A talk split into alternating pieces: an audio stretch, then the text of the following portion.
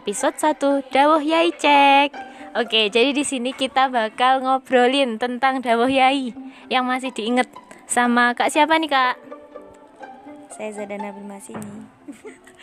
Kak Zadana jurusan apa? Saya jurusan sastra Inggris. Ya, semester berapa, Kak? Semester 7. Oh, muda ya masih ya. Lumayan. Nah, kan dulu kan sempat mondok tuh, Kak, katanya. Mondok kan ya dulu ya? Ya, Di mana tuh? di Disebutin gak nih atau enggak, Tit? di Pondok Pesantren Nurul Jadid. Nah, berarti kan ada tuh yang satu dua pesan kiai yang sampai sekarang tuh masih keinget gitu masih iya sih yo kiai ku tahu ngomong ini kayak gitu gimana tuh ada nggak kak Ada sih. Ya, apa apa, Eh, sebenarnya ini mendasar dan mungkin kebanyakan kiai di pesantren mana pun juga menekankan hal ini gitu. Jadi eh, dari eh, dari kiai kami itu beliau dawuh bahwasanya eh, ada sebuah proyek di pesantren yang tidak akan pernah berhenti. apa tuh Itu adalah sholat jamaah. Di dari sholat jamaah itu kita bisa menumbuhkan banyak sekali eh, manfaat, khasiat, ya pokoknya banyak sekali Mujarab selain gitu ya. Ya. selain dari pahala yang berlipat ganda daripada kita sholat sendirian di situ kita juga memupuk rasa gotong royong juga karena kita menjalankan sesuatu bersamaan. Terus juga eh, meningkatkan rasa sabar di mana mungkin satu kita biasa kita harus sabar nunggu imam.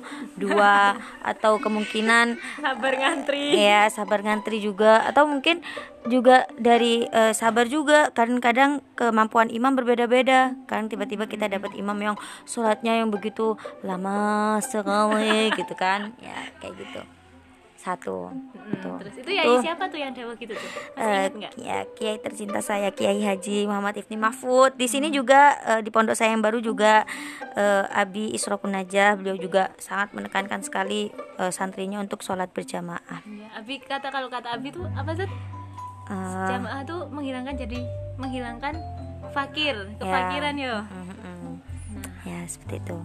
Terus yang kedua untuk para penghafal Quran. Jadi dulu tuh di belakang buku setoran saya di pondok dulu itu ada eh, semacam eh, entah ya eh, antara makol dan hadis kolilun korro khairun min kathirin farro. ya gimana Eh, hafalan yang sedikit Mm-mm. itu lebih baik daripada yang banyak tapi kabur. ya Seperti itu. benar Nah, sekali Kemudian itulah yang dijadi eh, kemudian itulah yang dijadikan apa namanya dalil sama anak-anak tafid di pondok saya dulu. Lek nambah titik ae, sak koco ae, cok agak akeh sepenting lanya. Besoknya pun akhirnya nambah yang sama, tambahan yang kemarin juga belum lanya yang kemarin soalnya. Nah, soalnya kecekel dhisik ngono ya ya kayak gitu. Jadi eh, itu itu dawuh kiai saya ya. Kolilun kolilun korro khairum mingkati farro itu bukan berarti dimaknai seperti itu gitu. Tapi bagaimana kita menggunakan dalil itu untuk semakin berlomba-lomba. Jadi aku ti- eh, aku punya hafalannya sedikit tapi lahnya. Apalagi banyak dan lahnya kan wallahu alam bisawab. Wis kita nggak tahu lagi betapa manisnya para penghafal Al-Qur'an yang yang lanyah banget. Itu adalah manis yang tidak pernah dirasakan oleh manisnya hal apa pun yang ada di dunia ini. Subhanallah.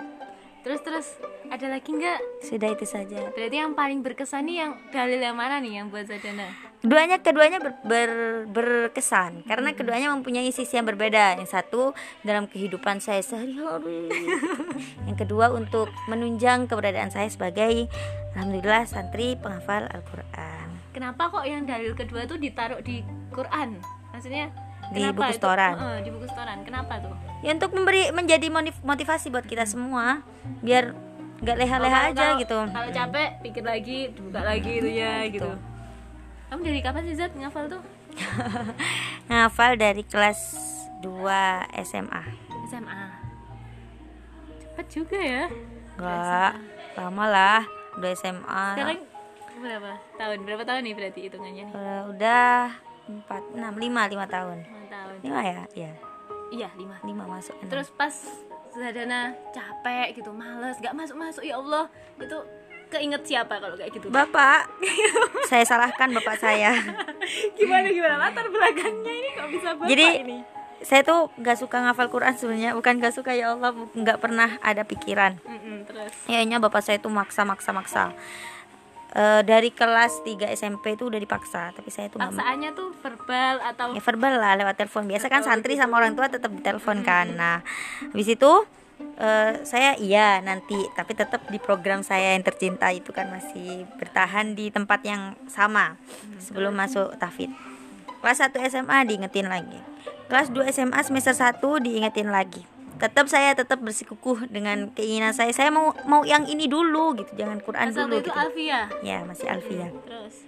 Nah, habis itu akhirnya kelas 2 semester 2 wes sampean lek gak mau ma- hafal eh lek gak mau masuk tafid gak usah pulang ke rumah titik. Ancaman ini ya berarti ancaman. Sudah sudah ancaman. ti- sudah tiba di masa bomnya meletus.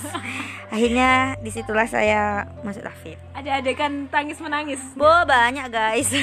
Banyak bawangnya. Banyak lah ya tapi nggak perlu lah kita menceritakan bawang karena kita butuh perjuangan bukan butuh tangisan. Benar siap. Terus tapi itu ibu iya iya aja gitu. Ya sebagai ibu kan tugasnya mendukung apa yang bapak pengen. Dan kayak orang tua saya tuh punya dua jalur gitu. Kalau bapak bagian islami islaminya ibu tuh bagian yang umum umumnya gitu. Jadi kalau sekolah sekolah ibu yang atur tapi semua. kakak-kakak dulu juga gitu? Hmm, kakakmu lah banyak sih? Iya. berapa Zat? dua. Dua banyak sih. Ya jadi kakak saya yang pertama ya sama sih. Ya sama.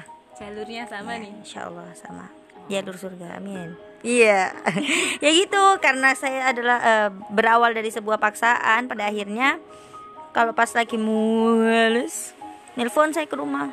Salahin tuh bapak. Gara-gara bapak nyuruh masuk tafid. Terus bapak bilang apa tuh gitu? Diam lah bapakku. Dia mungkin ya diam diam dikasih ibu gitu. Pada akhirnya sampai tapi eh, ya pada akhirnya sampai lulus SMA itu bisa ber, men- bisa dapat segitu kan udah alhamdulillah dengan sebuah keterpaksaan gitu kata Iya bapakku. ya udahlah gitu. Btw ini Zadana sudah 30 guys. Geblek belum. Terus kan kamu kan dipaksa nih. Lah tuh bapak tuh nggak ngasih reward atau apa gitu kan? Biasanya kalau anak yang kamu harus ini nanti kamu dapat ini. Nah kamu gitu nggak? Ya reward udah dapat setiap hari udah dapat reward saya lah. Udahlah reward tuh nggak nggak perlu diberikan secara apa ya secara tampak nggak nggak usah. Bukan berupa ya barang gitu ya. doa bapak tiap hari itu udah doa, doa bapak ibu itu udah reward buat saya. Ya kok saya islami sekali ya? Aku terharu oke jadi dua dawuh itu tadi yang membekas di Zadana ya? Ya. Sejauh ini? Sejauh ini. sejauh usia dewasa ini. Selain itu gak ada lagi tuh ada sih. sudahlah kita kita ke- bertemu lagi di season se- selanjutnya ya guys. Karena sekarang sudah menunjukkan pukul 10.27 satu jam lagi sudah adzan duhur. Oke. Makasih Zadana. Bayar Roy. Jadi gitu ya, Dawuh ya yang episode pertama. Kita tutup dulu. Bye.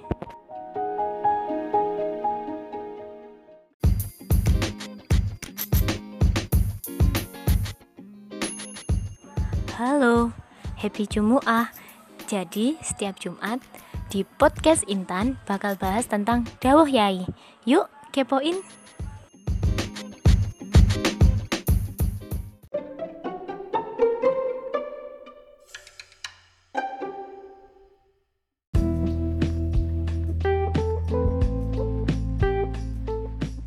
Selamat datang di episode Dawuh Yai. Kali ini kita dengerin dawuh-dawuh yang lain yuk. Boleh kok. Yuk sini dulu. Selamat datang di podcast Dawuh Yai. Kali ini kita bakal bincang-bincang tentang Dawuh Yai bareng siapa nih? hmm, Ninis Gimana nih? Kamu kan katanya pernah mondok nih dulu kan ya? Nah, masih inget gak sih dawa-dawa yai? Apa aja dah yang kamu masih inget terus berkesan sama kehidupan kamu yang sekarang nih? Hmm, banyak sih sebenarnya. Ya, bisa nggak tuh di diceritakan ke kita kita nih? Eh, gini ya, Eh, boleh cerita dikit nggak? Oh, boleh banyak juga boleh. Eh, kalau aku kan sebenarnya itu mondoknya nggak cuma di satu tempat ya. Waktu SMP sama SMA itu beda. Dan sekarang pun waktu udah kuliah juga beda. Waktu SMP dulu aku mondok di pondok yang namanya itu Pondok Modern Alifai di Gondang Legi tempatnya. Oh, masih di Malang ya berarti ya? Masih semua pondokku itu tempatnya di Malang. Soalnya ya gitu sama orang tua nggak boleh jauh-jauh dari Malang. Siap. Terus? Lah kebetulan sekarang beliau itu tadi pagi baru aja meninggal. Eh, siapa? Hmm, namanya Kiai Haji Muhammad Basuni Azam. Dawah apa yang paling kamu ingat dari beliau? Kalau dari Gus Bas ya kan biasanya manggilnya Gus Bas. Kalau jujur saya nggak terlalu inget juga soalnya kan waktu itu masih SMP. Kalau ada SMP kan ya dawo didengerin dilakuin gitu aja nggak mungkin kan kita kayak eh, kayak nandai ini daunnya ini ini ini ini. Enggak jadi kayak daun-daun dari guru ustadz kiai itu campur jadi satu. Jadi kalau ditanya daun apa yang paling mengenang? Nggak ada. Ya intinya gimana ya? Intinya ucapannya beliau yang baik kita contoh dan itu udah udah langsung gitu aja wis. Jadi nggak inget Tapi yang apa ya Nisya? Kayak yang paling paling gampang kamu ke pas lagi ngapain gitu. Oh iya iya kan dawe ngene kayak gitu. Ada nggak sih kayak gitu tuh? kalau yang bikin aku inget ya sama beliau yang bisa bikin nangis apalagi sekarang beliau udah nggak ada itu apa ya mungkin ya itu memori waktu ngaji bareng soalnya kalau di Arifai dulu kan apalagi kalau waktu puasa itu kan pondok kitab ya sekalipun modern tapi basicnya kitab salaf itu pasti kita maraton itu ngaji. Kayak hataman gitu. Dan itu pasti seru. Karena beliau itu enak ngajinya. Jadi tuh bener-bener bikin kangen. Itu memori yang paling aku ingat dari SMP nggak ada dawu khusus yang diingat beneran ini. Soalnya mungkin masih kecil itu. Anak kecil mikirnya apa sih? Ya gitulah. Mondok ya ya mondok enjoy aja. Yang penting kan nggak bertengkar sama teman nyaman di pondok ya udah selesai. Itu waktu SMP gitu aja pikirannya. Kalau nggak ada dawuh yang diinget nih, ad- mungkin ada nggak sih kayak apa ya keistiqomahan beliau atau enggak perilaku beliau yang paling bikin kamu inget? Kayak umpama beliau itu selalu apa ke masjid lewatnya sini atau enggak beliau itu pasti pakai parfum yang kayak gini gitu. Ada yang diinget nggak kayak gitu? Hmm, kalau dari beliau ya, beliau itu sosok yang benar-benar rendah hati. Nggak neko-neko gitu orangnya. Sederhana. kayak contoh-contoh Contohnya apa ya? Kayak pernah kan ada keran cucian kaki. Kan kadang airnya masih ngalir gitu ya. Beliau nggak bilang apa-apa langsung dimatiin gitu. Jadi cara nggak langsung beliau itu ngasih contoh ke santrinya. Berarti kita itu disuruh buat eh, ya hemat terus peka ke sekitar gitu beliau nggak malu melakukan sesuatu hal yang kecil tadi yang bisa dijadikan contoh sama santrinya. Itu waktu aku kecil pemikiranku cuma sebatas itu. Karena jujur aku waktu SMP itu nggak ada keinginan buat benar-benar mendalami oh kiai aku begini begini punya amalan ini nggak ada. Ya udahlah dilakukan disuruh ini ya dilakukan. Oh pernah dulu beliau itu sanjang. Waktu masih kelas berapa ya? Lupa juga sih cuma beliau itu pernah bilang gini katanya kalau santri mondok itu harus tirakat kuat tah siang mame mek telung sendok. Ya sendok gede sendok cilik. Jadi beliau itu ngajari kita buat tirakat ya karena kalau tirakatnya santri zaman sekarang kan puasa itu sulit. Saat malam juga sulit. Ya wis lah sebisa kita. Ya wis ya kayak makan cuma tiga sendok. Kan ya kayak kayak kita latihan buat itu mengganjal eh apa latihan buat menahan lapar juga cuma dalam versi yang lebih sederhana gitu ya nggak sampai puasa. Gitu sih. Tapi sejauh Ninis Mondok nih sama teman-teman ya ngelakuin itu semua atau ya kadang ya enggak ya ada bandelnya atau gimana? Kalau waktu SMP kan ini lagi SMP ya waktunya.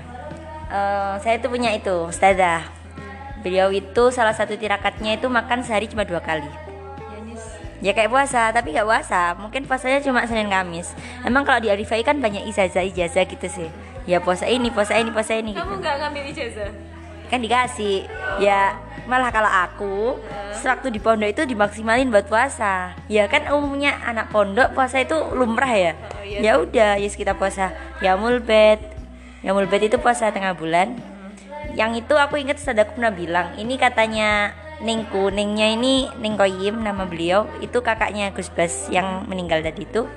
Beliau tuh sanjang gini katanya kalau melakukan puasa yaumul bait itu wajah kita nanti bakalan berseri. Namanya anak kecil dibilang berseri pasti kan eh, pingin. Apalagi yang jadi yang dijadiin contoh itu Ningnya Ningnya yang emang bener-bener cantik ya. Emang kan kalau keluarga Duria ya emang cantiknya asli ya. Emang beda ya Iya, kulitnya putih, cantik banget. Jadi ya kita, waduh, nanti kalau aku jadi kayak gitu, ya pasti tertarik anak kecil.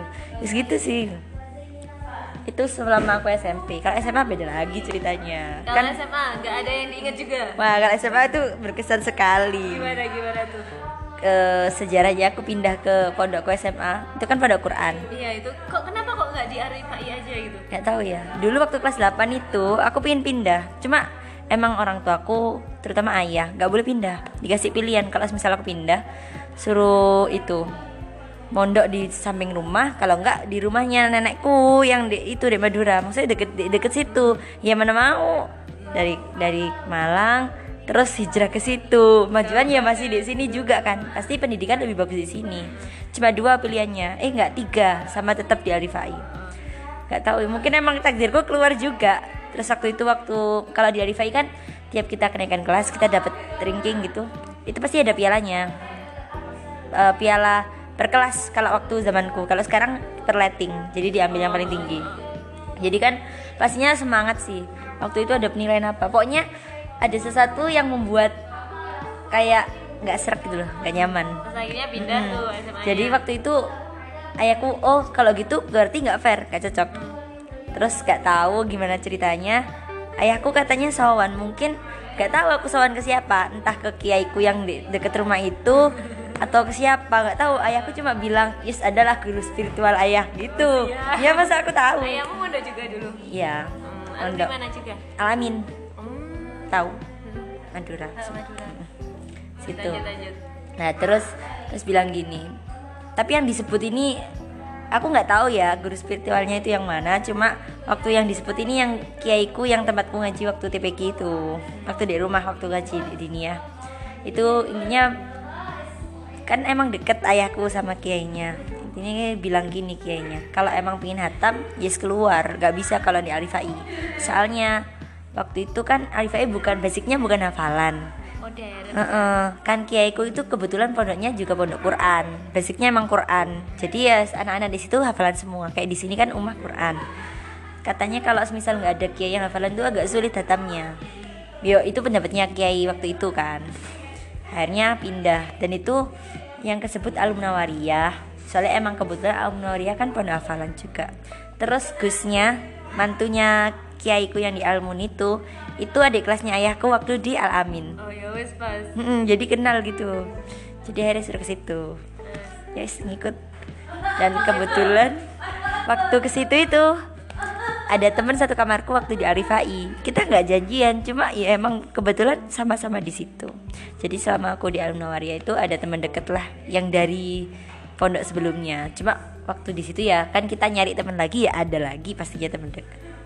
Terus waktu di Almun itu kan kiai kiai pendirinya itu meninggal waktu aku kelas 11. Beh, itu barusan aku mm, sempet kan kayak setoran langsung ke beliau. Kan biasanya setoran ke beliau itu kalau semisal mbak-mbak atau caca yang menghatam kan. Kan cowok cewek di situ campur. Jadi kalau setoran itu modelnya kiai di tengah, yang kanan cewek, kiri cowok. kalau salah grogi dong Ya gitu gini. Kalau setoran kan kayak buat kelompok. oh Jadi kalau aku dulu- halakuan Enggak cuma tiga orang ya. Misal ini tiga orang sama-sama jus 25, majunya bareng. Ini juga jus. Bacanya bareng juga Bismillah enggak. oh, beda-beda. Nanti sama beliau aku ditunjuk. Kan beliau kan bawa kayak eh, rotan itu sih, penjalin, penjalin kan biasanya. Bawa rotan. Jadi langsung, ayo baca. Baca yang pertama. Langsung kalau kayak gantian gitu loh. Jadi kayak Sambung maraton, heeh, sambung ayat. Iya. Sambung ayat yang di sini juga sambung ayat. Ya kita kalau maju kan ya satu jus setengah jus gitu sih. Kalau aku dulu setengah jus kan anak baru. Jadinya ya fokus ke situ. Salah kan keadaanku waktu itu di Alifai kan aku mulai hafalan kelas 8 akhir. Masih jus amais awal-awal gitu. Masuk kamar tahfid itu kelas 9 kelas 9 masuk kamar tahfid alhamdulillahnya di situ bisa dapat 10 tapi emang kan belum paham gimana prinsipnya hafalan. Fokusnya cuma nambah nambah nambah nambah gitu aja. Kita nambah kita nambah kita nggak ngerti gimana caranya deres jadi waktu ke Yai maju sehari kan pagi majunya habis subuh langsung suruh maju setengah pastinya kan berat nggak pernah deres ibaratnya kayak ngulang hafalan. Heeh, banget. Tapi nggak ngerti ya kok aku bisa udah loh. Iya kok bisa itu bisa. padahal tapi kalau cuma kita sampai just tujuh waktu itu. kalau kayak kita baru nambah jus lima mama ya lima dapet seperempat terus nggak bang nggak megang belas seperempatnya. Kan oh iya hilang ya. banget gitu ya. nggak tahu mungkin karena ya kan anak kecil mungkin dosanya juga belum Oh, iya banyak terus pikirannya nggak ke mana-mana terus juga. Terus ya masih semangat. Dan intinya kan gitu. Heeh, nggak ada api. Intinya masih bisa memanfaatkan waktu dengan baik. Eh, kuncinya di pikiran sih. Kan pikiran kita nggak ke mana-mana jadi hatinya lebih bersih. Cepet lah intinya gitu. Soalnya yang diingat dari daunnya beliau itu gini. Eh bengi ku akeh. Ini dowo kalau kiaiku waktu itu kan namanya Kiai Maftuh. Beliau sanjangnya gitu bengi ku dowo wis lah intinya kalian deres gitu ya. Kalau dipikir-pikir emang panjang kan dari selesai kegiatan ya. Kalau di Alifai kan fokusnya kitab. Jadi kayak halakoan itu waktunya kita ngaji kitab. Kalau di Almun hampir sama kayak di PTK Nurul Huda ini. Jadi mm, malamnya itu kalau di sini kan ngaji abi. Kalau di situ nggak ada wajib belajar. Soalnya kan kita masih sekolah waktu itu. Oh, iya. tapi waktu halakoan itu itu ya sama ada kelas ngajinya juga jadi selesai kegiatan anggap saja jam setengah sepuluh ya paling lama enggak sih jam 9 mungkin udah selesai kan itu kan makan terus kamu makan kan jam 9 nih Iya. kamu kuat ya kuat lah kamu kan sebagai makannya anak kecil tiga kali waktu itu kalau di Oh. Almun tiga kali di juga dua kali doang Enggak, tapi emang dari dulu aku biasa dua kali. Jadi makanya dua kali. Kalau siangnya makan, malam nggak makan biasanya. kok sekarang berkali-kali Kayak aku makannya dua kali Mas Yan. Kecuali kalau diajak sih itu beda kasus ya. Terus terus. Jadi ya itu. Langsung habis kelas langsung berangkat ke musola. Kan derasnya berangkat ke musola. Berangkat ke musola dari situ sampai jam 12 kan kalau di itu itu panjang juga. Jam 10, 11, 12, 3 jam. Dapat banyak tuh. Eh, paling nggak biasanya gini siang udah deres kan. Siang dapat seperempat terus malamnya seperempatnya. Yes yang dan di tembok sambil ketidur ketiduran gitu. Yes biasa. Mbak mbak juga banyak yang deres kan. Terus habis itu pulang ke asrama. Eh, terus bentuknya pondok almun itu kan lapangannya besar. Jadi kalau pulang ke asrama kan asramanya kayak masuk lorong. Ya kita ngelewatin itu. Pohon-pohon masih banyak dulu waktu aku awal di situ. Jadi ya wis untungnya banyak lampu bukan lampu sih bintang-bintang di atas kan kelihatan semua. Jadi terang gitu loh. Iya. just gitu wis. Kamu angkatan keberapa sih di situ? Di Almun. Oh, udah sih. Kemarin aja ulang tahun ke 35 mungkin pas ini di sana angkatan tiga tiga mungkin. Oh, ulang tahun ke sudah 33 tua ya. berarti di Almun itu kalau mau cepet bisa ya? Hmm, kan orangnya emang pondoknya pondok hafalan. Cuma eh, sebenarnya kan emang tergantung orangnya. Kalau kon tapi enggak maksudku kalau kondisinya seperti itu gitu loh. Dikondisikan dengan seperti tetap itu. aja sih kan soalnya kan emang wajib hafalan cuma namanya anak nggak semua itu sadar apa sih makna hafalan itu apa. Apa apa di mana apa? Ya makna hafalan itu? Aku sendiri belum tahu juga waktu itu kan cuma pingin hafalan. Soalnya dulu waktu kelas 8 ya enggak kan ad- ada hafid Indonesia RCTI dulu itu zaman zamannya Musa inget gak Musa yang anak kecil umur 4 tahun atau lima tahun udah hafal 29 juz atau berapa itu? Nggak inget aku itu kan beliau kan ya itu si ya Musa itu oh yang dapat yang dapat umroh kan, oh, heeh. oh, iya, iya. kan masih kecil udah hafal segitu. Terus ayahku kadang kalau ada iklan itu intinya kapan anak ayah bisa hafalan? Gitu nyindir. Makanya aku nggak sewenang lihat hafid Indonesia. Bukan apa soalnya aku iri. Alasannya nggak logis tapi nyata ya. Just gitulah ya. Soalnya aku iri. iya kan nggak boleh tapi namanya anak ya. Karena nggak pernah mau lihat itu tapi iri kok mereka bisa sampai sekarang pun kalau pola pikirku masih kayak gitu mungkin aku juga iri kok mereka bisa lancar kok aku sekarang masih ya gitulah ah. ini gitu tapi kan sekarang udah besar udah dewasa jadi ya sudah paham lah gitu. terakhir sambang pondok kapan Miss? Sama pondok kalau di Almun itu satu bulan sekali boleh keluar boleh keluar. Kalau di Alifai kan dua minggu sekali. Tapi aku waktu di Alifai satu minggu sekali di Sambang. Deket. Deket emang Almun juga deket. Cuma kan itu emang nggak nggak mesti sama mamaku. Kalau waktu di Alifai sama ayah soalnya aku emang deket sama ayah. Jadi waktu Sambangan kita ngobrol. Sampai di Almun juga gitu. Waktu pulang di jalan ngobrol. Tapi ayah nggak pernah kayak ayo bacain juz berapa gitu nggak Nggak, kan mungkin basic orang tua emang nggak hafalan. Jadi kayak ya udah dibiarin. Mungkin gini juga mau disuruhku ya nggak tahu gimana caranya. Udah ngikutin terus kok anaknya nggak mau ya segitulah. Emang kan kekurangannya di situ kalau orang tua nggak hafalan anak hafalan. Apalagi kayak tipe-tipe anak kayak aku yang sukanya bandel gitu ya. Apalagi kalau di rumah udah liburan udah Heeh. kan nggak ada yang tahu kan. Kayak jadwalnya kita harusnya gimana gitu kan. Kalau ayah mungkin nyindirnya gini kalau sekarang kok ayah nggak pernah anu ya denger pengen ngaji? Tapi anak udah besar jawabnya gini loh pulang ngaji nggak pagi ayah betul sebenarnya mau ayah ngaji. Kan pulang dari rumah ngaji. Kalau enggak lo malam lo kalau ngaji. Tapi kan aslinya? Aslinya ya emang ada ngajinya tapi kadang di satu waktu kita gak ngaji bilangnya ngaji gitu. Yang paling berkesan di Almun itu kan kalau di situ sistemnya kelas. Aku itu dapat kelas punya ustadz sendiri kan? Nah ustadz itu bener-bener jadi kayak murabi ruhi tahu nggak istilah murabi ruhi ya gitu ya. Bener-bener. Jadi gara-gara aku masuk di kelas itu itu suatu keberuntungan juga. Beliau itu yang ngajarin aku gimana sih makna orang yang hafalan itu harus kayak apa? Ininya gitu gitulah yang melembutkan hati. Intinya gitu. Soalnya kalau di kelas itu sistem nambahnya gini dibacakan sama beliau. Satu sufah ditirukan. Terus habis itu di dimaknai itu loh. Tahu nggak? Mm. makna itu penting banget sih Nis. Mm, kayak dimaknai kan. tuh kayak cerita Al-Quran yang ini Ah, apa ah, gitu. kan dimanai kayak misal Bismillah lama nyebut gitu kan. Dimanai bener-bener dimanai kayak kan kitab gitu. Emang beliaunya hafal Quran ya. Kitabnya just subhanallah banget beliau itu.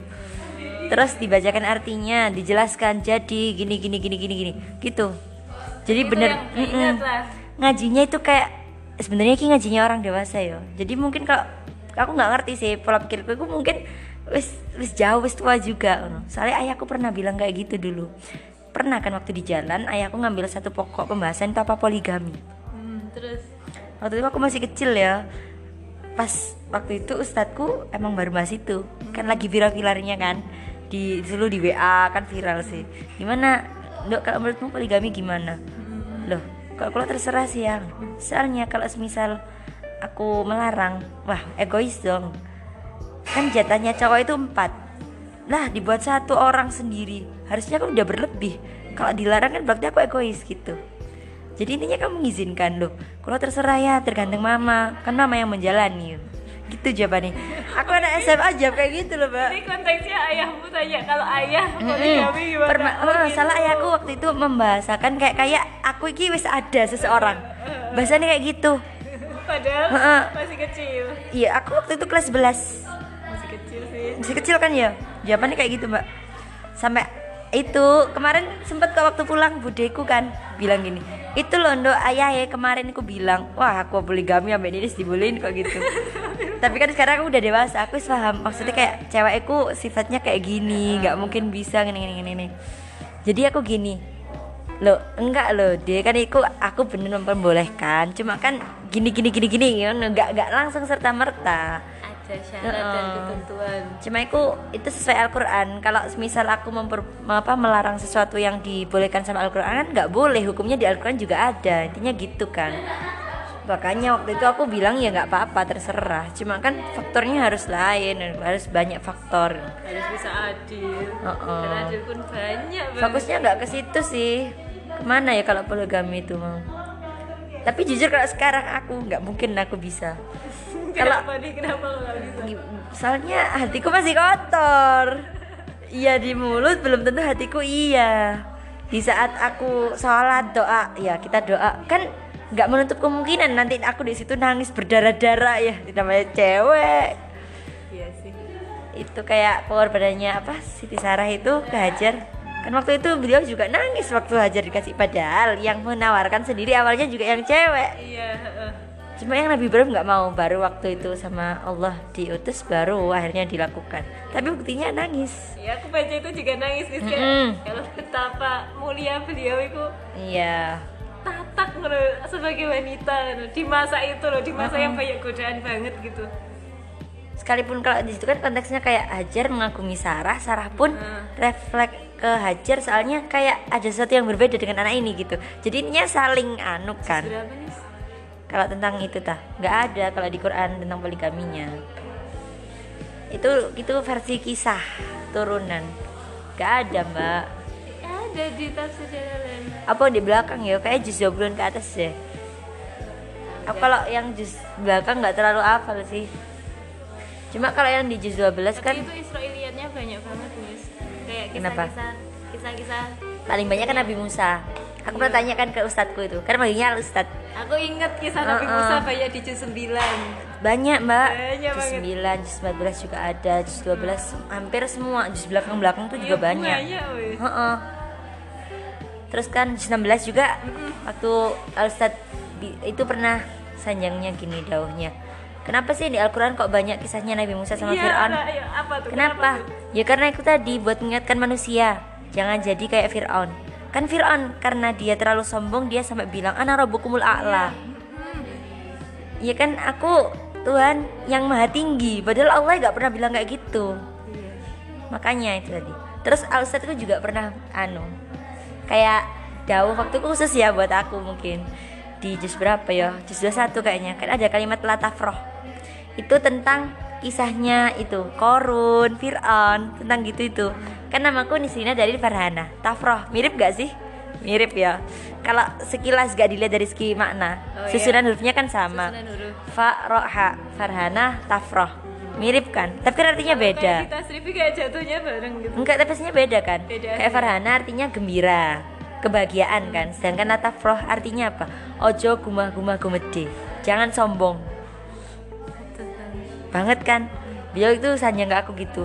Aku langsung, oh bener sih. Soalnya aku nggak menampik dalam hati kecil pastinya manusia punya rasa sombong kan. Soalnya manusia aku paling lemah sama yang namanya pujian. apalagi cewek Heeh. Pujian. Waktu aku kuliah ini aku baru paham. Kan aku di luar.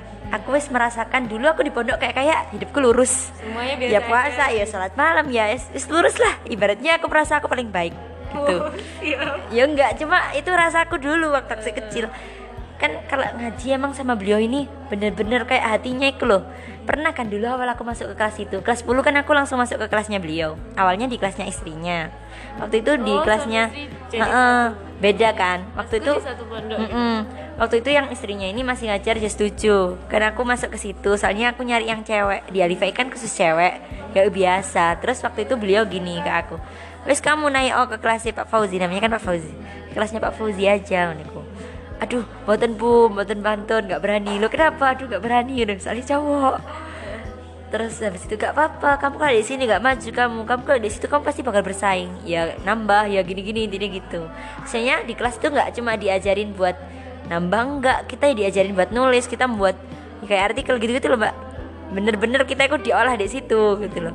Jadi itu suatu keberuntungan yang subhanallah banget, yang tak syukuri sampai sekarang.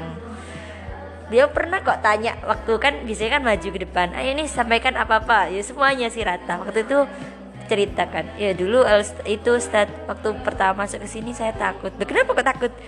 Nggak tahu ya mungkin soalnya udah nggak pernah bareng Ustad terus kok langsung diajar sama cowok. Aduh rasanya kayak hmm, nggak berani banget.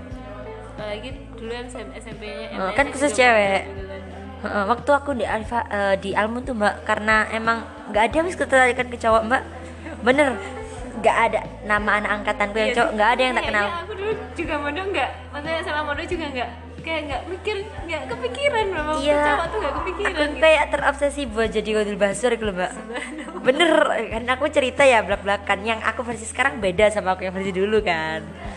Bener wes sampai waktu pertama masuk kan aku punya ustad Eh, ini kelas Madin sih Madin. Eh, waktu itu bener aku nggak pernah mandang ustad itu sampai aku lulus. Jadi suatu kali kan ustadnya emang pas saya ke aku biasanya kalau pas apa apa gitu.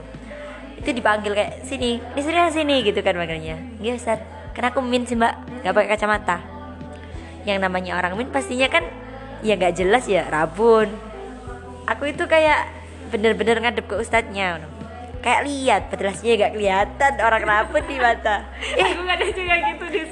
Gantian mbak ustadznya yang maling jadi kayak ibaratnya aku ngomong hadap mana ustadznya hadap mana. Terus? Kayak gimana ya? Ya Maksudnya gini ya? loh mbak. Posisinya aku seperti ini. Kan nggak lucu ya? Eh, ustaznya nggak menyadari kalau kamu minus ya enggak lah. Kan aku jarang pakai kacamata juga sih mbak. Mungkin kalau nulis gitu aja. Bener-bener bener-bener ustadznya itu nggak pandang aku. Aku langsung ya Allah. Tapi emang kalau orang hafalan Quran kan katanya ujiannya itu ya. Enggak ada sendiri kan. Aku pernah denger itu waktu aku kemarin kelas yang 3 mbak Ia itu dia bilangnya ujian jusnya jus berapa dia tuh? Oh ya ujiannya dia tuh cowok di jus 20 Aku nggak Apa ya? oh di, di surat Yusuf. Oh bener. Ini gimana? Gini ya. Kan aku kan baru denger dari temanku ya. Temanku aku punya teman deket mbak. Itu udah hatam. Heeh. Tapi kan cerita aku aja. Nggak waktu itu sempat bilang gini kan temanku. Katanya lo kalau orang hafalan itu Ujiannya itu ada tiga. Waktu juz 1 sampai 10 ujiannya temen. Terus iya gak iya. juz 11 sampai 20 cowok. 21 sampai 30 keluarga. Aku mikir. Mikir aku bener. Kan itu kan katanya Kayak kita hafalan Alfia kan juga ada tapi iya tapi iya. Ya ya mungkin kita ada yang nyadar ada yang enggak. Ya cuma kan selagi kita hafalan emang perjuangannya nggak main-main jadi ya udahlah enjoy dan aja. kayak nggak boleh juga ya kayak ini kayak salah jusnya gitu kan nggak boleh kan kayak Nggak. nyalahin. Ya aku biasa sih. Waktu terus aku mikir kelas eh juz 1 sampai 10 kan aku di Alifai ujiannya teman bener sih. Anak SMP kan permasalahannya juga cuma teman tok. Sampai aku kok punya temen deket. Kita table metan dari kelas 7 sampai kelas 9 eh di akhir-akhir sekamar juga tapi perang dingin. Apa coba anak SMP lo ya jadi kayak kayak WB kan wajib belajar bareng. Pulang ke mek. Apa? Duluan ya. Pergi. Nah, kayak serasa ada perang dingin. Tapi waktu aku udah lulus kita komunikasi lagi ya biasa. Tapi Malah apa penyebabnya gitu? Nggak tahu nggak inget. Ya entah emang nggak tahu nggak mau tahu entah gimana waktu kita komunikasi lagi. Cuma wis biasa. Ya aku kangen. Iya kangen. Inget nggak dulu kamu anterin aku kamar mandi iya gitu gitu gitu wis. Kalau nih jus 10 sampai 20 Oh, juz 11 sampai 20 Oh, iya. Kan waktu itu ya aku udah masuk di kelasnya beliau ini. Eh, Ini kembali ke Ustadz yang diniah tadi. Waktu itu pertama kali masuk kan Awalnya aku bukan Ustadz itu mbak. Ada sekali Ustadz masuk lain. Eh waktu Ustadz itu masuk Kok aku nyelutupnya gini Aduh kok Ustadz ini sih? Gitu. Kayaknya iku, iku yang jadi momok. Kok nggak ngerti gimana caranya mbak? Eh aku suka sama Ustadz iku. Mungkin kagum ya mbak. Kak, kalau sampai sekarang aku bikin kagum dulu? Uh, uh, uh. tapi waktu itu aku kayak ibaratkan suka bukan cinta. Kalau cinta sih itu terlalu mulia. Ibaratnya itu nanti buat itulah pencerahan aja aku. Ya suka Mbak. bener-bener suka. Kayak orang suka ya apa bener. yang kamu sukai pas waktu dulu tuh? Eh, nggak tahu juga sih, sih. Terus ini waktu pertama kali masuk kan emang banyak ustadz-ustadz yang masuk. Ih selama beberapa hari berturut-turut itu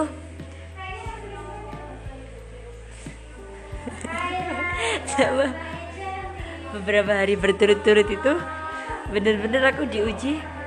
Eh enggak banyak ustadz-ustadz yang bilang kayak gini. Aduh ustadz ini loh subhanallah. Pasti ku bangun malam. Eh ustadz ini loh ahli puasa. Ustadz ini suaranya enak. Ustadz ini ustadz gitu-gitu loh, mbak Terus tapi aku biasa like, waktu oh, itu kan masih awal. Tapi emang ustadznya puasa tahunan mbak. Kalau di Almun itu banyak ustadz yang puasa tahunan. Kan nggak tahu sih yang ditirakatin apa. Cuma ustadznya puasa tahunan. Puasa Daud juga nggak ya? Pokoknya puasa tahunan lah ustadznya biasanya kalau puasa tahunan ada puasa pernah puasa Dawud juga. Ya nggak tahu. Ya itu puasa tahunan. Suaranya enak juga. Dan aku hafal suara azannya beliau itu sampai segitunya namanya juga orang suka mbak. Terus kan kalau dulu kan kayak baju sama kayak kok sama ya Allah ini tandanya apa? Gitu gitu kan? Eh, enggak enggak itu itu versiku yang dulu ya. Karena aku mau cerita ya sih pengalaman aja. Dia sampai kayak gitu loh mbak. Terus waktu ngaji sama beliau sama Pak Fauzi kan diterangkan ya mbak. Bener aku ngaji mendengarkan tapi pikiranku inget-inget yang itu Aku gak ngerti ya Misalkan kalau beliau Al Ustadz ini yang Ustadz Quran ini kan beliau ya kayak ya namanya orang alim pasti kan tahu ya Iya. pasti bisa membaca semua pikiranku. Tapi ya dia nggak bilang apa apa enggak ya diem mbak. Tapi kan pastinya keterawang sih mbak. Cuma ya bisa wong kalau habis liburan pasti mama gini ada iki wajah burak kabeh. Mbak. Kan dari rumah gak tahu gaji kayak gitu ya. Iya sih. Terus bener-bener banyak dawa-dawa beliau itu sing kayak siri-siri gitu loh mbak nggak mungkin kan aku sebut di sini juga seperti gitu. Ya aku suka ke Ustadz Iqbal eh terus aku punya kan di kelas itu yang kelas yang seangkatan sama aku awalnya cuma aku. Terus ada lagi anak baru dua. Ini temanku yang waktu itu masuk ke almun baru itu barengan sama aku. Jadi ininya ada tiga yang seangkatan sama aku.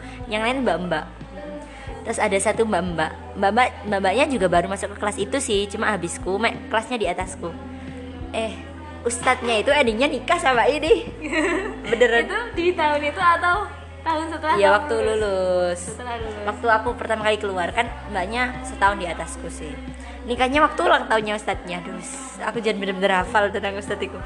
Salah waktu itu mbak ya. gimana gitu biar udah Si, biasa aja Loh, enggak mbak perjalananku Wih gak main-main aku melepaskan cinta yang ini Loh Gini ya Tapi dari situ aku jadi mikir mbak eh, Kamu bisa mikir dia anak kecil Tapi Kan kita nggak tahu gimana perkembangannya dia Gimana tumbuhnya rasa itu emang itu bisa dikontrol Kita nggak ngerti kan Gimana caranya dia membuat menyikapi rasa itu gitu.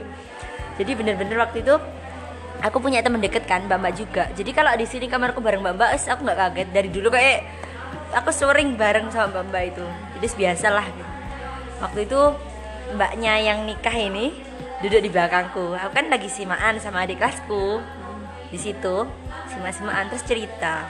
Biasanya mbaknya bilang gini eh pak iki lo anu bilang bilang apa ngomong kamu? Iya mbak ngomongin apa? Wa- waktu itu masih ada rasa-rasa kan ya benih-benih gitu. jadi ya sih eh, ngomong aku. Saya gitu mbak waktu itu. Terus katanya di sini tuh lo pinter ya gitu gitu gitu mbak. Saya kan aku bisa tanya ke ustadznya. Terus gitu tuh. Jadi iya tambah hmm, ya mungkin ada baper selfish biasa ya. Tapi coba sedikit lah kan kalau anak kecil juga lebih banget sih mbak. Cuma emang belum tahu sih ini rasa kagum atau apa aku nggak paham. Terus waktu itu mbaknya aku cerita iya ya, waktu itu pak aku ini ngomong saya saya aku tak azan gitu. Terus gitu gitu mbak cerita tentang itu Wah, rasanya sakit sekali. Beneran aku kelas 11 itu. Nah sampai nangis gak Ninis Wah, bener mbak. Aku sampai kalau sholat Habis sholat itu mesti aku doa gini Ya Allah jangan biarkan hambamu ini mencintai seseorang yang tidak halal untuk hamba cintai. Gitu mbak, tiap sholat dan akhirnya sudah terjawab. Sampai waktu aku sholat malam itu mbak. Nangis mbak aku Ya Allah pripen sih pripen ya. Aku lagi pengen lepas. Tapi kan aku gak ngerti gimana caranya. Ya. Beneran udah sampai aku nangis Dan gak ada sih ngerti waktu itu teman-temanku. Kamu nggak cerita memang. Ninis mendem sendiri. Iyalah mbak. Kan masih berpegang cita dalam diam. Enggak sih Cuma emang itu kan bukan sesuatu yang membanggakan Ya bukan aib juga Wong bisa diambil pelajaran Mungkin itu emang latihanku Jalanku kayak gitu Mengolah rasaku gitu kan Baru waktu itu Aku udah biasa Aku cerita ke temenku Eh sampai akhirnya tujuh orang yang tahu tambah satu tambah Iya. banyak abis ini Iya tapi kan aku biasa posisinya. Waktu itu kan cuma kayak semisal dia cerita ke aku. Aku di situ kayak tempat cerita gitu loh mbak. Di situ. kan Ya enggak ya temen juga. Terus kan mbak mbak ya wis gitu lah kayak Iya sih tahu dari kayak Mbak Ia sama Mbak Sona gitu loh. Modelannya kayak gitu. Ya wis gitu. Ya kita cerita kan itu. Wis gitu. Jadi perjuangannya nggak main-main buat melepaskan rasa itu. Bener. Terus amanat Ninis nih gimana Apa? buat gimana caranya menghadapi jus-jus kayak gitu Kalau aku sih fokus aja ya, kayak semisal bener sih katanya ada rintangannya gitu ya. Tapi kita bukan abai sih, cuma ya buat apa sih kita pikirin gitu. Kalau emang namanya juga sesuatu yang mulia Al-Qur'an gitu ya. Pastinya nggak mudah, pasti ada ujian yang harus kita lewati. Jadi ya udahlah, yang penting kita semangat. Bener-bener kita membersihkan hati, banyak doa. Niatnya harus bener-bener lillahi ta'ala gitu kan. Dan sebenarnya definisi lillahi ta'ala kan juga banyak cuma itu ya masing-masing pasti tahu lah ya. Nanti silakan ditanyakan ke gurunya masing-masing. Pokoknya kita bersihkan hati aja. Dulu ini sih ini penting juga buat aku. Waktu aku pertama kali masuk ke kelas ngaji itu tadi kan beliau itu nerangi kayak neraka ininya sesuatu yang berbau keimanan. Mbak-mbak itu nangis semua mungkin hatinya udah lembut ya.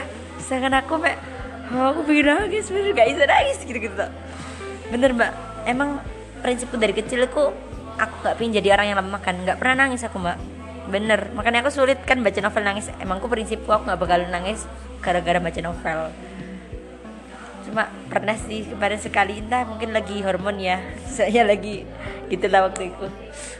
Iku terus beliau bilang kayak gini kenapa? Gak bisa nangis. Ya tanyakan pada dirimu kenapa kok kamu nggak bisa nangis? Kenapa? Apa alasannya dalam tanda kutip itu sebegitu kerasnya kan hatimu sampai sama ada dalam keimanan kamu kok hanya biasa aja. Gitu makna tersiratnya itu seperti itu. Jadi mbak biasanya dulu kalau pulang dari ngaji ya aku udah jalan mesti aku merenung mbak? Kayak ya Allah gimana ya gitu gitu. Bener wes jalan kayak kayak ngelamun ini. Tapi aku mikir padahal gini kok aku gini yo kok aku gini wis bener-bener dari situ aku dituntut gitu. Sampai akhirnya ayahku bener-bener bilang aku dewasa aku waktu kelas 11 aku tadi ngelarang poligami aku mang. Kan di akhir kan ayahku bilang gini enggak kono insya Allah enggak semoga ayah dihindarkan.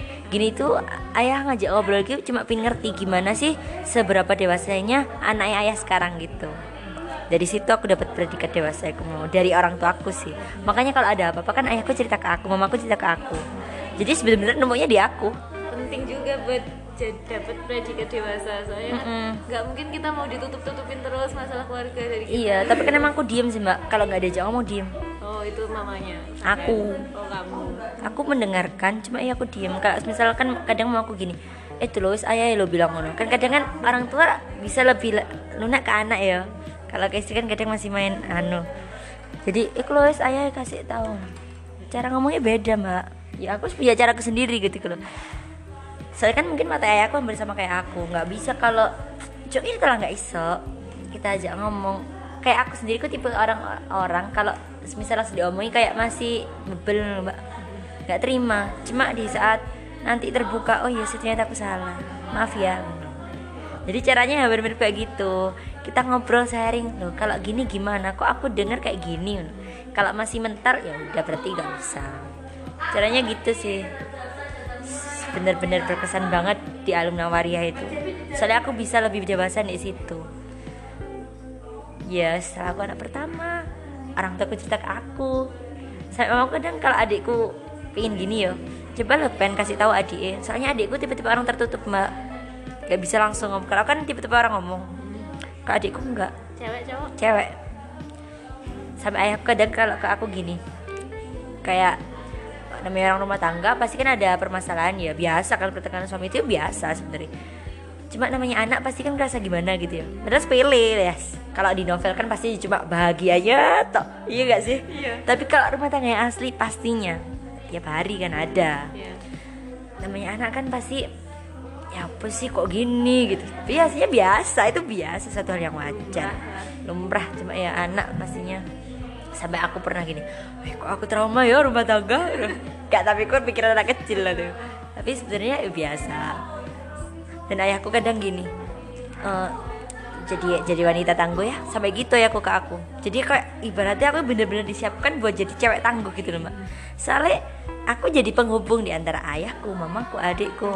Nggak ada cowoknya lagi cewek sendiri. Tapi emang gitu wis. Jadi ya enjoy aja. Soalnya prinsipku juga kan ya udahlah kita jalanin aja gitu soalnya hidupku sendiri mbak itu banyak kejutan di sini. Kayak tiba-tiba aku masuk UIN tiba-tiba aku masuk Almun pindah ke Almun tiba-tiba aku jadi anak apa masuk kelasnya Al Ustad banyak kejutan mbak. Kayak dulu aku, aku harusnya masuk SMK eh tiba-tiba masuk SMA aku ini harusnya gak kuliah. Eh tiba-tiba masuk TI sampai mama aku bilang gini pas kalau Payanis aku nggak kaget. Kamu aku banyak kejutan. Sampai kayak gitu. Jadi kayak hidupku wis ya wis lah. Aku nggak nggak pernah mbak ambis itu nggak. Planning planning gitu. Enggak, biasa aku mak Ibaratnya gitu, sekolah pasrah tunggu Allah. Sampai kadang ayahku gini Ya pasrah ya pasrah, tapi ya usaha loh ya Pasrah iki, itu kan lisan harus Pokoknya keyakinanku puas lah, usaha ya ada. Cuma aku bukan nggak usaha, cuma ya rasa malas itu tadi. Cuma di luar itu aku pasrah, wis ibaratnya kita malas pun itu wis ditakdirkan sebenarnya. Iya gak sih? yang ini aku setuju yang ini Enggak, tapi emang kalau aku gitu sih mbak Iya, itu itu sebenarnya meminimalisir rasa nggak puas rasa nggak bersyukur rasa sombong. Itu itu aku berusaha mengekang lewat kata situ aku pasrah. Mau kita cuma hamba. Kalau semisal kita pernah kok aku aku kemarin kan kebetulan waktu pulang kemarin mbak. Budiku sedo temen temennya ayahku sedo intinya kayak orang-orang yang penting dalam hidup ayahku itu sedo semua meninggal. Nah saya aku gini kan waktu pijet-pijet ya mbak. Eh aku nangis mbak. Mular wis nampak ya nah Bude wis gak ono nduk wis ini wis gak ono. Wis temennya ayahku yon. Lah ya mbak siapa? Gitu wis mbak. Aku diem. Kenapa ya menunggu saya kok gak urip? Wong ya ayah ki gak tahu. Jalan di di urip di sini kok mungkin waktu itu kayak kayak bener-bener ngerasa kayak aduh kehilangan banget. Saya langsung gini nopo lo ya? Wong tasik wonten ini mama ayah tak sebut semua mbak. Kakak nenekku semua. Lah nopo sih ya? Wong kita nih cuma manusia ya bener kita kan tugasnya ya mek hamba. Lah mau kan Gusti Allah gitu tak ya. Kalau emang kita mau melakukan apa pun aja kita nggak punya daya upaya. Lah makanya apa gunanya lah wala quwata illa billah kalau kita nggak pasrah ke situ? Terus ini kyo terus ya ya ya ya. Ini kyo akan dosa. Lah apa ya gunanya kalimat istighfar lah buatan itu buat kita bertobat? Saya aku ingat temanku ada yang bilang kenapa ada kalimat istighfar? Itu dari mamasnya sih.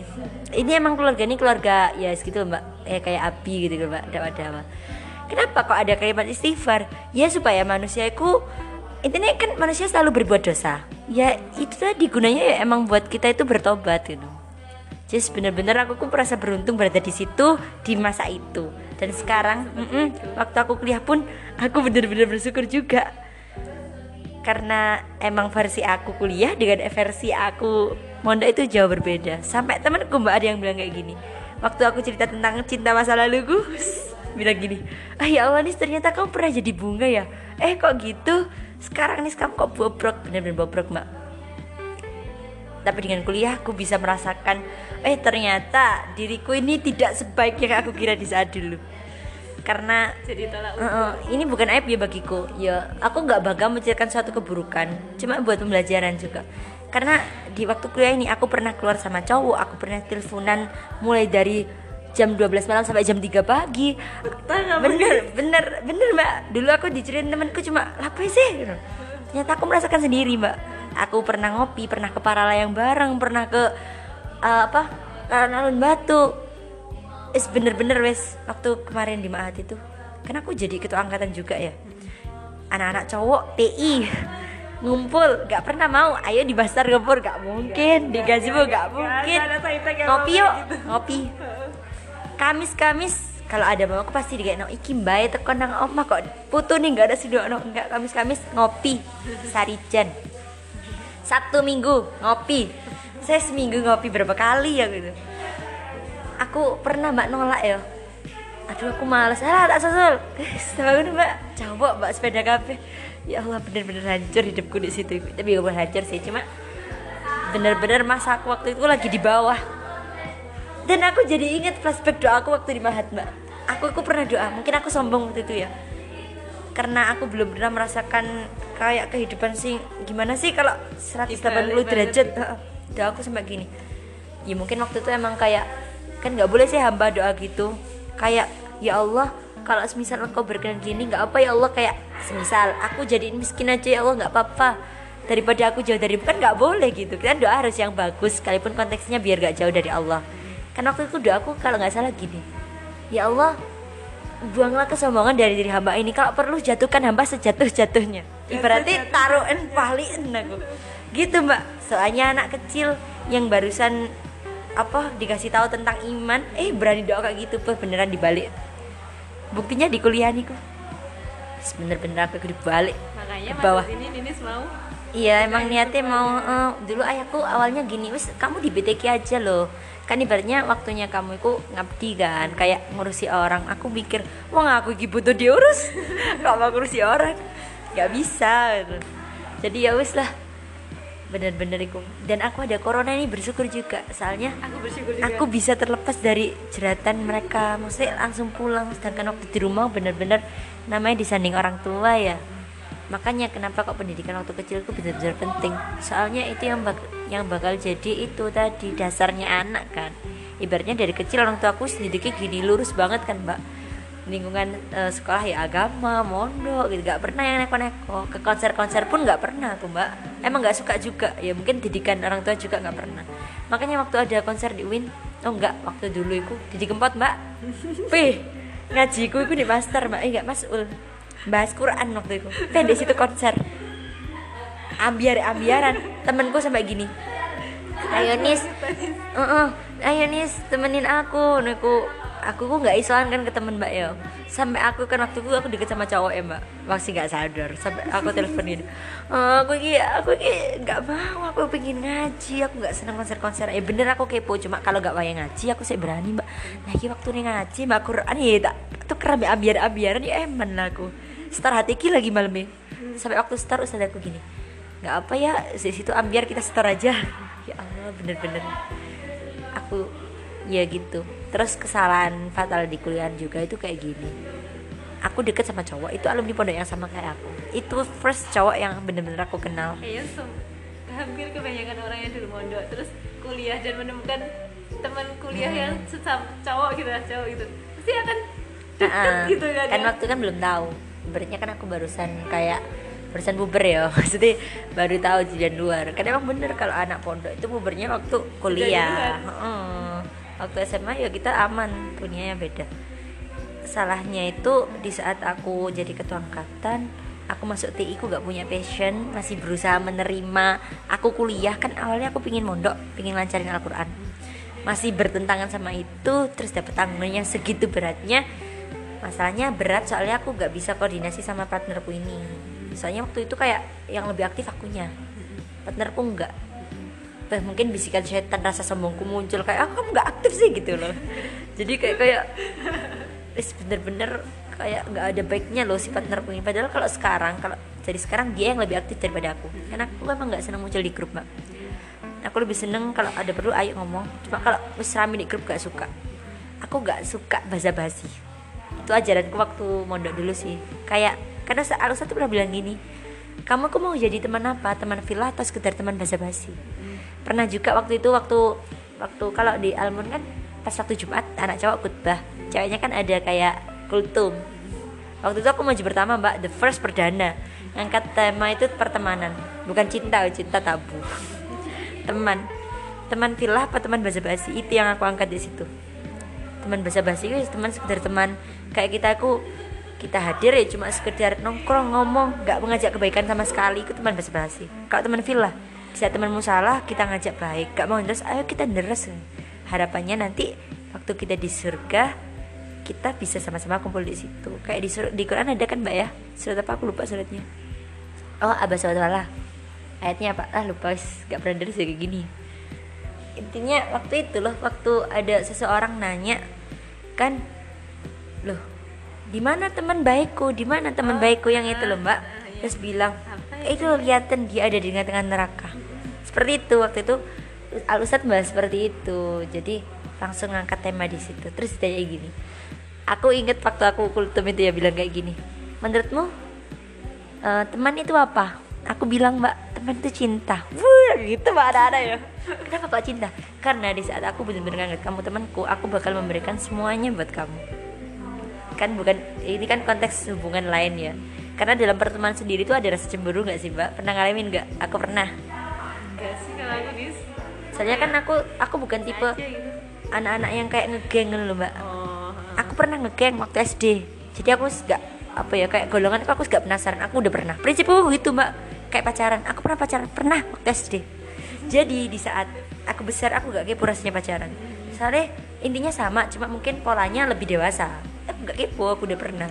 Sampai aku mikir kadang gini kalau aku udah pernah merasakan semua nanti buat calonku kasih halalku apa yang baru? gitu Sebenarnya tapi ya istighfar aja kan. Ya juga pengalaman juga. Ya sih tadi kembali ke konteks pertemanan tadi ya. Aku aku berani memberikan semuanya buat kamu ya karena itu definisi pertemanan yang sebenarnya. Kayak cinta definisi cinta cinta dalam pertemanan seperti itu.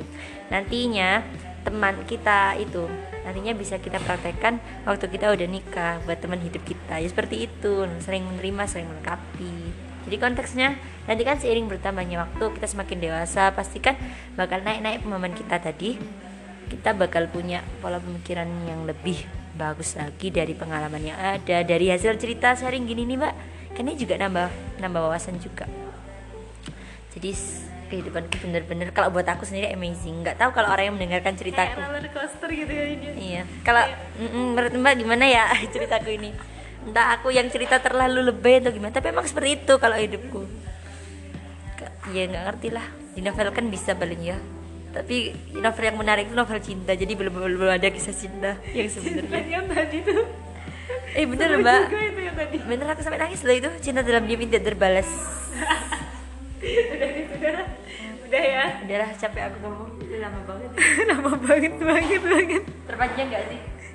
Iya aduh malu udah Sekian dari kami. Semoga bisa menghibur dan juga semoga bisa diambil pelajarannya.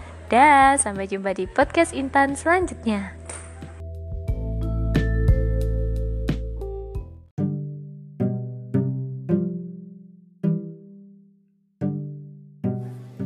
Halo, selamat datang di Dau Yai. Yuk, kembali kita buka hati.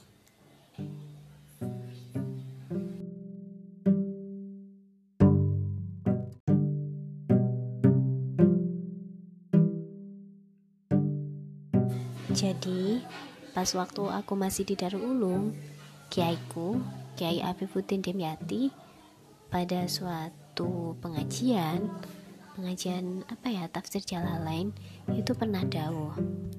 Jadi gini dawuhnya. Sebenarnya yang menjadi masalah hidup adalah rasa memiliki.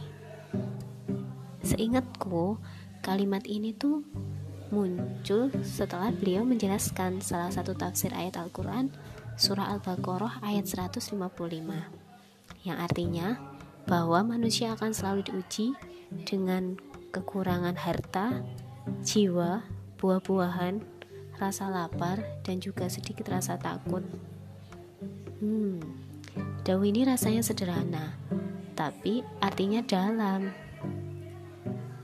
Terkadang kita ngejalanin sesuatu kegiatan atau rutinitas kan ada tuh orang-orang yang kita anggap penting di dalamnya atau enggak barang-barang penting yang jatuhnya kita bakal ngerasa nggak percaya diri atau nggak lengkap atau kayak ada yang hilang gitu kalau semisal si orang apa sih benda ini nggak ada pas kita lagi ngelakuin kegiatan atau rutinitas yang biasa kita lakuin. Nah pastinya bakalan muncul yang namanya rasa kehilangan.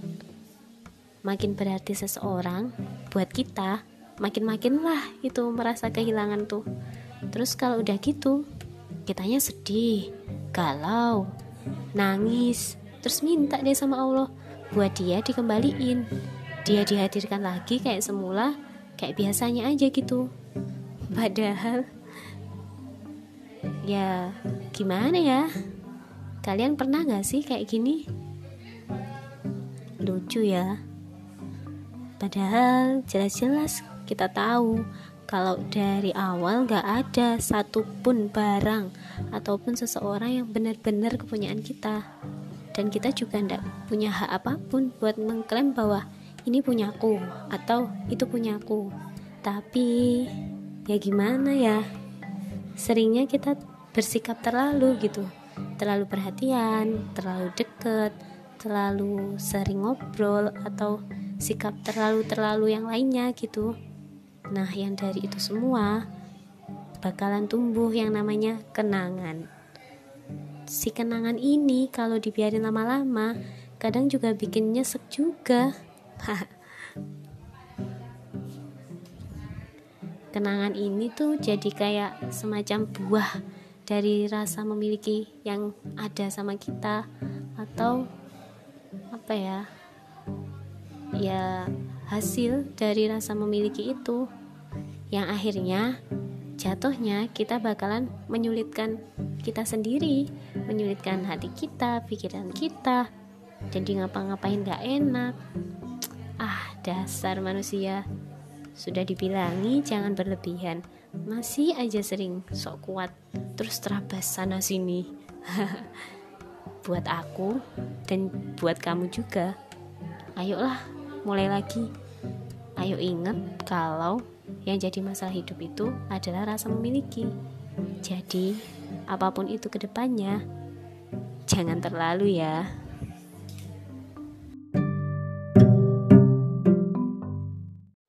Jadi, pas waktu aku masih di Darul Ulum, kiaiku, Kiai Afifuddin Demyati, pada suatu pengajian, pengajian apa ya tafsir Jalalain itu pernah dawuh.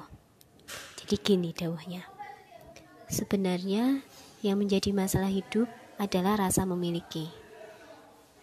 Seingatku kalimat ini tuh muncul setelah beliau menjelaskan salah satu tafsir ayat Al-Quran surah Al-Baqarah ayat 155 yang artinya bahwa manusia akan selalu diuji dengan kekurangan harta, jiwa, buah-buahan, rasa lapar, dan juga sedikit rasa takut.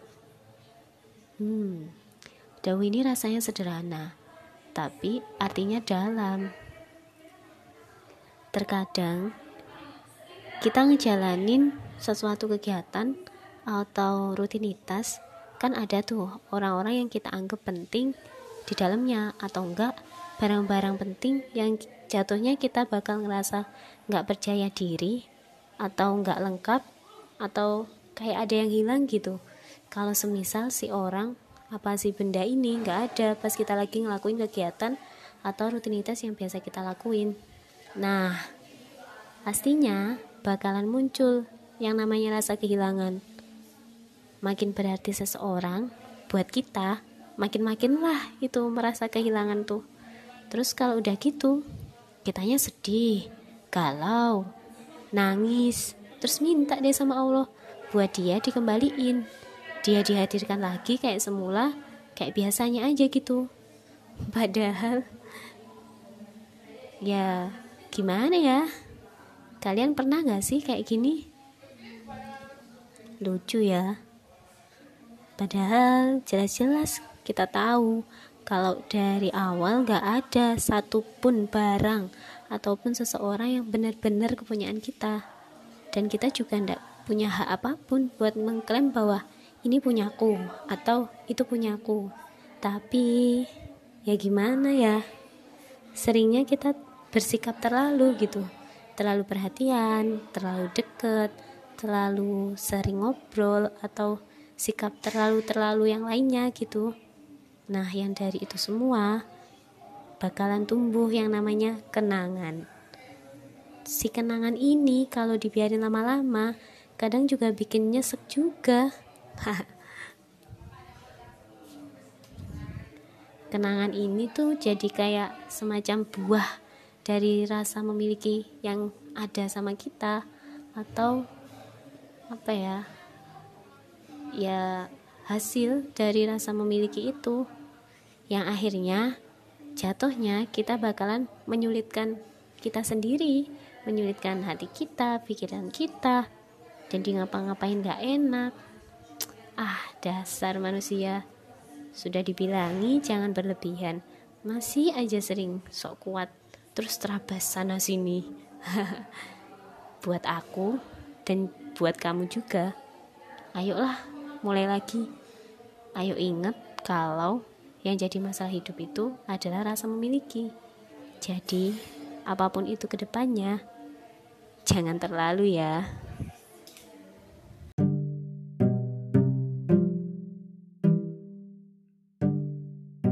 Jadi, pas waktu aku masih di Darul Ulum, kiaiku, Kiai Afifuddin Demyati, pada suatu pengajian, pengajian apa ya tafsir Jalalain itu pernah dawuh.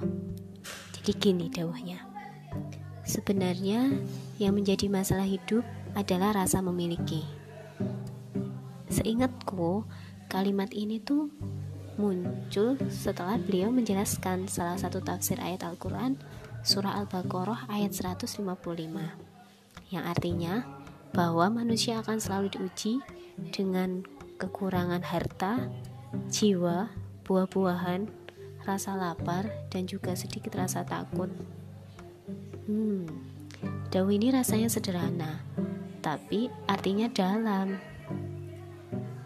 Terkadang kita ngejalanin sesuatu kegiatan atau rutinitas kan ada tuh orang-orang yang kita anggap penting di dalamnya atau enggak barang-barang penting yang jatuhnya kita bakal ngerasa nggak percaya diri atau nggak lengkap atau kayak ada yang hilang gitu kalau semisal si orang apa sih benda ini nggak ada pas kita lagi ngelakuin kegiatan atau rutinitas yang biasa kita lakuin. Nah, pastinya bakalan muncul yang namanya rasa kehilangan.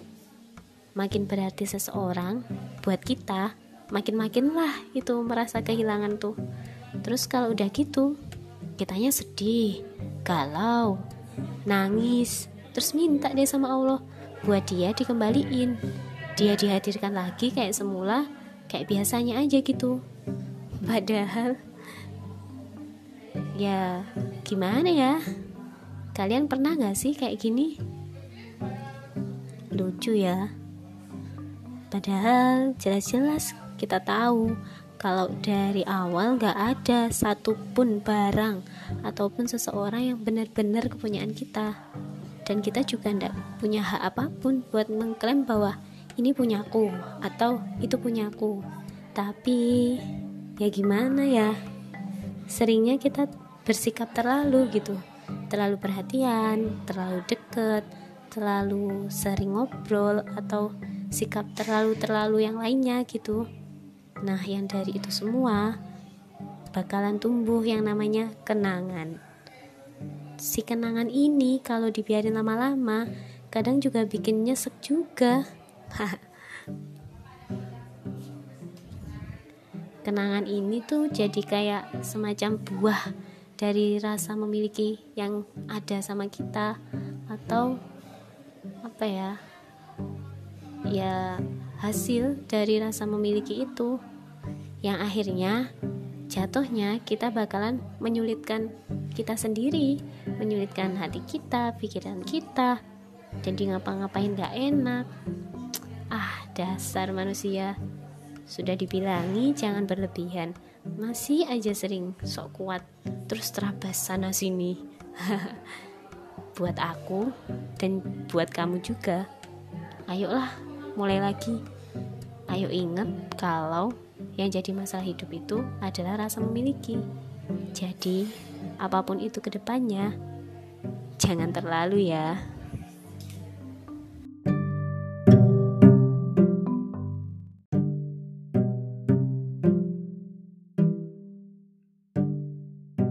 Jadi, pas waktu aku masih di Darul Ulum, kiaiku, Kiai Afifuddin Demyati, pada suatu pengajian, pengajian apa ya, tafsir Jalalain, itu pernah dawuh.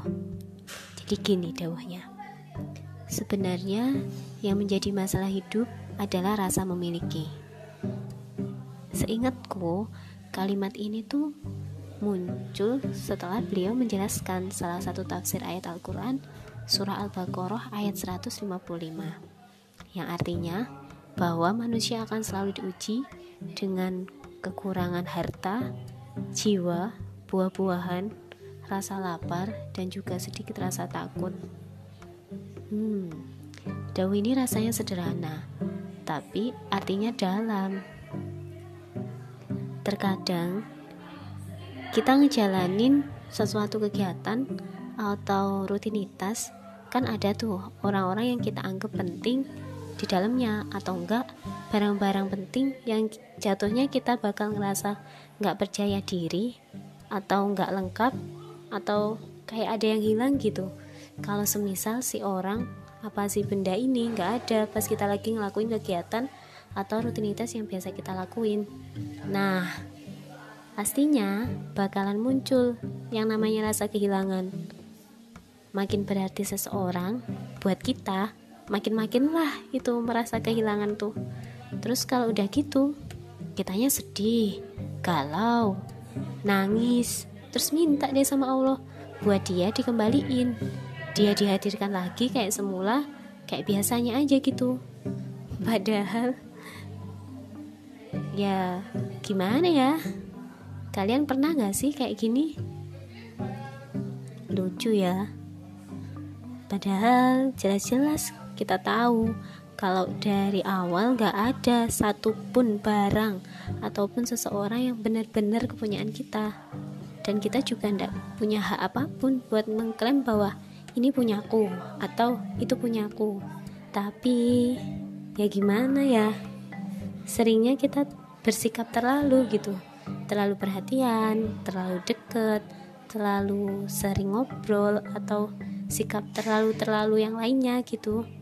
Nah, yang dari itu semua bakalan tumbuh yang namanya kenangan. Si kenangan ini kalau dibiarin lama-lama, kadang juga bikin nyesek juga.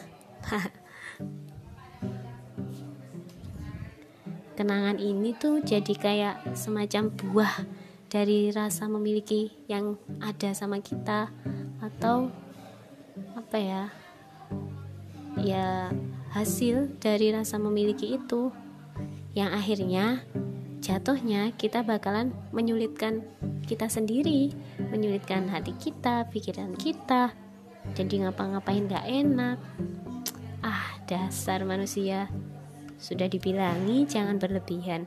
Masih aja sering sok kuat, terus terabas sana sini. buat aku dan buat kamu juga. Ayolah, mulai lagi.